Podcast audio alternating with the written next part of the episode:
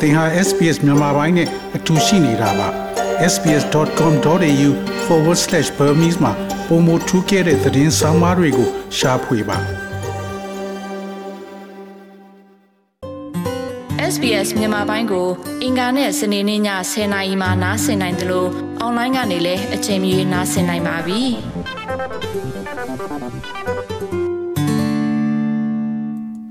တော်ရရှိမြခင်ဗျာ ပြည်ထောင်ဌာနရဲ့အချက်လက်များအရဆိုရင်လွန်ခဲ့တဲ့9နှစ်တာကာလအတွင်းမိဘဗီဇာလျှောက်ထားမှုအရေးအတွက်သည်စီမံဆောင်ရွက်ဆဲထက်တစ်နှစ်ထက်တစ်နှစ်ပုံမများပြားလာတယ်လို့ဖော်ပြထားပါတယ်။လျှောက်ထားသူများစွာသည်ကြာမြင့်စွာဆောင်ဆိုင်ရသည့်အချိန်သည်တချို့ဆိုလို့ရှိရင်မိဘများသေဆုံးသွားခြင်းသို့မဟုတ်၎ င်းတို့ရဲ့ဗီဇာမရခင်မှာခီးသွားရန်အလွန်နေမကောင်းခြင်းဖြစ်နေတာတွေနဲ့ရင်ဆိုင်နေရတယ်လို့ဆိုပါတယ်။ Prandip Singh Dandiwal နဲ့သူ့ရဲ့အကိုတို့သည်အိန္ဒိယရှိ၎င်းတို့ရဲ့မိဘများနဲ့နောက်ဆုံးတွင်အဲ့ဒီမှာပြန်လည်တွေ့ဆုံရန်အမြဲစီစဉ်လျက်ရှိပါတယ်။2016ခုနှစ်အောက်တိုဘာလတွင်၎င်းရဲ့မိဘများသည်အသက်60နှစ်များအစောပိုင်းတွင်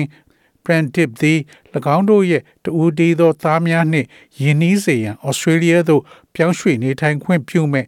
contributory parent visa အတွက်လျှောက်ထားခဲ့ပါသည် Back in 2013-14 we started planning about uh, bringing parents uh, with us as well over here and uh, and as a part of that plan um, we applied their uh, permanent residentship, and that's a contributory subclass visa 143 back in 2016 October. At that time, uh, we were hoping that we'll get it um, in a couple of years because the wait wasn't too long. 2013 14တုန်းကလည်းမိဘတွေကိုကျွန်တော်တို့နဲ့အတူ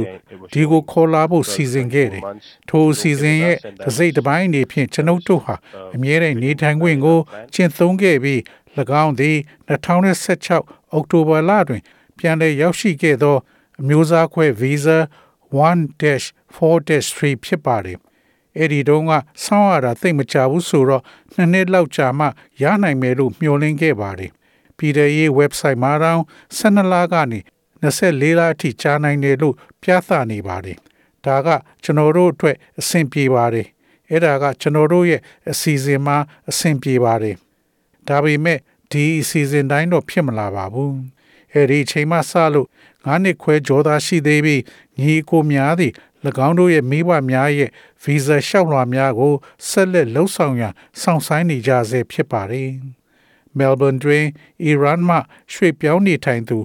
Royal Salamati ရဲ့ဘဝတွင်လည်းအလားတူအဖြစ်ဖြစ်တစ်ခုတွေ့ကြုံခဲ့ရပါတယ်။2019ခုနှစ်တွင် သူမနှင့်သူမရဲ့အကိုသည်တီရန်တွင် နေထိုင်သောသက်ကြီးရွယ်အိုမိဘများအတွက် contributory parent visa လျှောက်ထားခဲ့ပါသည် အဆိုပါ visa လျှောက်ထားမှုကို ဆောင်ရွက်လှုပ်ဆောင်ခြင်းမရှိသေးပါဘူး Miss Salamati ရဲ့ဖခင်သည် COVID-19 ကူးစက်ခံရပြီးသေဆုံးသွားသောကြောင့်၎င်းတို့ထဲမှတဦးကို ပြန်လည်ရုပ်သိမ်းခဲ့ရပါတယ် When my father passed away every day I had to call my mom because I couldn't travel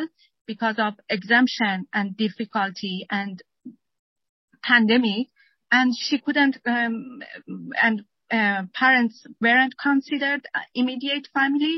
and she couldn't ဖေဖေဆုံးသွားတဲ့အခါလူငင်းချမ်းသာခွင့်နဲ့အခက်ခဲနဲ့ကပ်ယောဂါကြောင့်ခီးမသွားနိုင်လို့အမေကိုနေတိုင်းဖုန်းနဲ့ပဲစကားပြောရတယ်။ပြီးတော့သူမကလည်းဘာမှမတတ်နိုင်ဘူးပြီးတော့ဒီအစီအစဉ်မှာမိဘတွေကိုမိသားစုဝင်လို့မယူဆကြပါဘူး။ဒါကြောင့်သူကဩစတြေးလျကိုမလာနိုင်ခဲ့ပါဘူး။ အဲ့ဒါကကျမအကိုပေါ်မှာဖိအားတွေအများကြီးသက်ရောက်ခဲ့ပါတယ်။ Mr. Danny Wall နဲ့ Mr. Lamati တို့ကဒါမျိုးကြုံတွေ့နေရတဲ့အဲမှာတယောက်တည်းတော့မဟုတ်ပါဘူး။ဧပြီလ30ရက်နေ့ထိမိဘဗီဇာလျှောက်ထားမှုပေါင်း3,2300ကျော်ကိုပြည်ထောင်ဌာနမှဆောင်ရွက်ပေးရန်စောင့်ဆိုင်းလျက်ရှိပါတယ်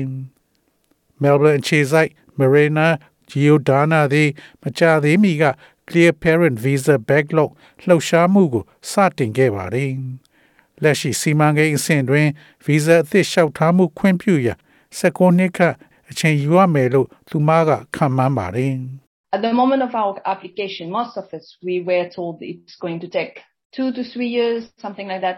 this is ကျ not မ real. တို့ရဲ့ At the moment, ရှောက် we're လွှာ talking တင်ချိန် about တွင် so much more. ကျမတို့အများစုမှာတစ်နှစ်မှသုံးနှစ်ခန့်ကြာမှဖြစ်တယ် ထို့သောသောတစ်စုံတစ်ခုသော အချိန်ယူရအောင်မှဖြစ်ပါတယ်ဒါကတော့တကယ်အစစ်မှမဟုတ်ပါဘူးလောလောဆယ်တော့ကျမတို့ဒါရီနဲ့ပတ်သက်လို့အများကြီးပြောနေပါတယ်ပြည်ထောင်စုဝန်ကြီးဌာနအဆိုအရဒေါ်လာ3300နဲ့4800ကျားကုန်ကျတဲ့ contributory parent visa လျှောက်ထားမှုအသစ်အရနောက်ဆုံးလှုပ်ဆောင်ခြင်းအတွက်ဒီ visa ကို ထုတ်ပေးရန်အနည်းဆုံး65လကြာဝယ်ရှိတယ်လို့ဆိုပါတယ်။ Mariana Giordana ကတကယ်တော့ဒီ visa တွေကိုလှုပ်ဆောင်ဖို့16နှစ်လောက်အချိန်ယူရတယ်လို့ဆိုပါတယ် most of our parents um, got, I mean, get that the application when they're 60 or 65. This we are talking about like parents 75 to 80 years old when they got rented. We don't know how many are there going to be still alive at that time or able to move. This is a big move we are talking. And that's not even to mention the ကျမတို့ရဲ့ visa မိဘ that အ is များစုဟာ30အသက် years 60သို့မဟုတ် for the application. 65နှစ်မှာရှောက်လွှာကိုရခဲ့တယ်လို့ကျမဆိုလိုတာပါဒါကအသက်85နှစ်ကနေ80နှစ်ကြာမိဘတွေလိုပဲပြောနေတာပါသူတို့ဘယ်နှစ်နှစ်အသက်ရှင်နေအောင်မဲဆိုတာကျမတို့မသိပေမဲ့အဲ့ဒီအချိန်တွေကရွေရှားသွားနိုင်ပါတယ်ဒါကကြီးမားတဲ့လှုပ်ရှားမှုတစ်ခုလို့ကျမပြောနေတာပါရှောက်ထားမှုအတွက် နှစ်30အချိန်ယူနေသောတစ်ခုတည်းသောမိခင်ဗီဇာကိုပင်ဖော်ပြခြင်းမဟုတ်ပါဘူး Miss Giordana ကဒီလှုပ်ဆောင်ချိန်မျိုးတွေဟာနိုင်ငံရပ်ခြားမှာနေထိုင်ကြတဲ့ရွှေပြောင်းအလုပ်သမားတွေရဲ့မိဘတွေအတွက်ဝင်းနေခြေခွဲစရာဖြစ်ပြီးမကြာခဏဆိုသလိုသူတို့ဘာသာသူတို့အသက်ကြီးလာတဲ့အခါသူတို့ရဲ့ကလေးတွေရဲ့ပံ့ပိုးကူညီမှုလိုအပ်တယ်လို့ပြောဆိုပါတယ်။ပြည်ထောင်စုဝန်ကြီးဌာနရဲ့ထုတ်ပြန်ချက်တွင် COVID-19 ကပ်ရောဂါကြောင့်ရှောက်လာတွေကို နောက်ကျစေတဲ့အကြောင်းရင်းတစ်ခုအဖြစ်ကိုးကားဖော်ပြထားပါတယ်။ biometric ဆိုင်ရာစုဆောင်းမှုအင်္ဂလိပ်ဘာသာစကားစမ်းသပ်စစ်ဆေးရေးဌာနစာရစာတမ်းရှောက်လွှာတင်ရေးဌာနနဲ့ဘော်ဒဖွဲ့ဆရာဝန်ပံ့ပိုးမှု အင်္ဂါရက်များတွင်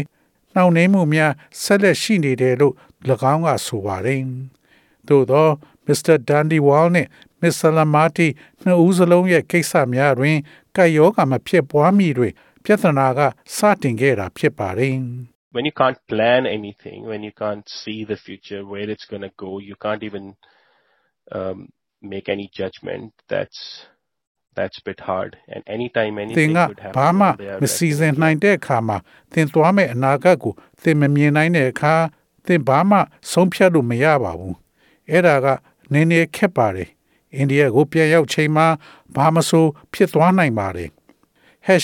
#clearparentvisa backlog မှာပံ့ပိုးပေးပြီးဒီအချိန်မှစစ်ဆေးထားသော data သည်လွန်ခဲ့သည့်9နှစ်ကာလအတွင်းမိဘ visa လျှောက်လွှာများကိုစီမံဆောင်ရွက်နေပေမဲ့တစ်နှစ်ထက်တစ်နှစ်ပိုများလာကြောင်းပြသနေပါတယ်။ဥပမာအားဖြင့်2023-14ခုနှစ်တွင်ဤဌာနသည်မိဘဗီဇာလျှောက်ထားမှု2600ကျော်ကို လက်ခံရရှိခဲ့တော်လဲ9000ခန့်ကိုသာခွင့်ပြုခဲ့ပါတယ်။2020-21ခုနှစ်တွင်မိဘဗီဇာလျှောက်ထားမှု14000ကျော်လက်ခံရရှိတော်လဲ9000ခန့်ကိုသာခွင့်ပြုခဲ့ပါတယ်။ဒါဆိုဘာက backlog ဖြစ်စေတာပါလဲ။လူဝင်မှုကြီးကြပ်ရေးဌာနရဲ့လက်ထောက်အတွင်းဝင်ဟောင်း Abu Rizvi ၏အဆိုအရသက်ကြီးရွယ်အိုတွေကိုလက်ခံမဲ့ဥယေအပေါ် စိုးရိမ်ပူပန်ခြင်းကအချက်တစ်ချက်ဖြစ်တယ်လို့ဆိုပါတယ်။ John Howard ဦးဆောင်သောအစိုးရလက်ထက်တွင်1996ခုနှစ်တွင်စတင်ခဲ့ပြီးတက်ကြီးရွယ်အိုဥယေနှုံးကိုနှေးကွေးစေရန်အတွက်မိဘဗီဇာကန့်သတ်ခြင်းကိုယနေ့တိုင်ဆက်လက်လှုပ်ဆောင်နေတယ်လို့၎င်းကဆိုပါတယ်။ Australia သည် American, Canada နှင့် New Zealand တို့ကဲ့သို့သောအလားတူနိုင်ငံများနှင့်နှိုင်းယှဉ်နိုင်သောအပြင်းထန်ဆုံးသော မိဘရွှေ့ပြောင်းနေထိုင်မှုမူဝါဒကိုလှုပ်ဆောင်နေပါတယ်။ဒါပေမဲ့ဒါဟာခဲရခဲစစ်နိုင်တဲ့ကိစ္စလို့သူကပြောပါတယ်။ Oh, look, I'm, I, this is this is difficult policy. There is no question this is very difficult policy, and to the extent possible, the aim should be to allow parents to visit their migrant children uh, to the extent possible without impinging on costs to the health, aged care, and aged pension system. But achieving that objective is very difficult. Uh, no country, in my view, ကြည့်ပါဒါကခက်ခဲတဲ့မူဝါဒပါဒါကမေးစရာမလိုပါဘူးဒါဟာအလွန်ခက်ခဲတဲ့မူဝါဒပါအတတ်နိုင်ဆုံးရည်ရွယ်ချက်မှာမိဘများသည်၎င်းတို့ရဲ့ရွှေပြောင်းကလေးများကိုကျန်းမာရေးစောင့်ရှောက်မှုနဲ့အသက်ပင်စင်စနစ်အတွက်ကုန်ကျစရိတ်များမထိခိုက်နိုင်စေဘဲဖြစ်နိုင်သမျှအတတ်နိုင်ဆုံးလာရောက်ခွင့်ပြုရန်ဖြစ်ပါတယ်။ ဒါပေမဲ့အဲ့ဒီရည်မှန်းချက်ကို အကောင့်ထဲပေါ်ဖို့အရန်ခက်ခဲပါတယ်။ကျွန်ုပ်အမြင်အရဘယ်နိုင်ငံမှအဲ့ဒါကိုစင်ကြင်တုံးတရားနဲ့စီမံခန့်ခွဲနိုင်တဲ့နီလန်းကိုရှာမတွေ့ပါဘူး။ဒါကဩစတြေးလျမှာကြုံရတဲ့စိန်ခေါ်မှုပါ။သောတာရှင်များခင်ဗျာ SPS သတင်းဌာနကမာယာဂျေမစင်နဲ့ Ashka Aurora တို့ရဲ့ဆောင်းပါးကိုဘာသာပြန်တင်ဆက်ပေးထားတာဖြစ်ပါတယ်ခင်ဗျာ sbs.com.au/bemis ကို home နေရာမှာထားပြီးတော့အမြဲတမ်းနှာစင်နိုင်ပါတယ်။နောက်ဆုံးရသတင်းတွေ၊ဆောင်းပါးတွေနဲ့စစ်တမ်းတွေမှာပါဝင်ပြီးတော့ဆက်သွယ်မှုလုပ်နိုင်ပါတယ်။ sbs.com.au/bemis ဖြစ်ပါတယ်ရှင်။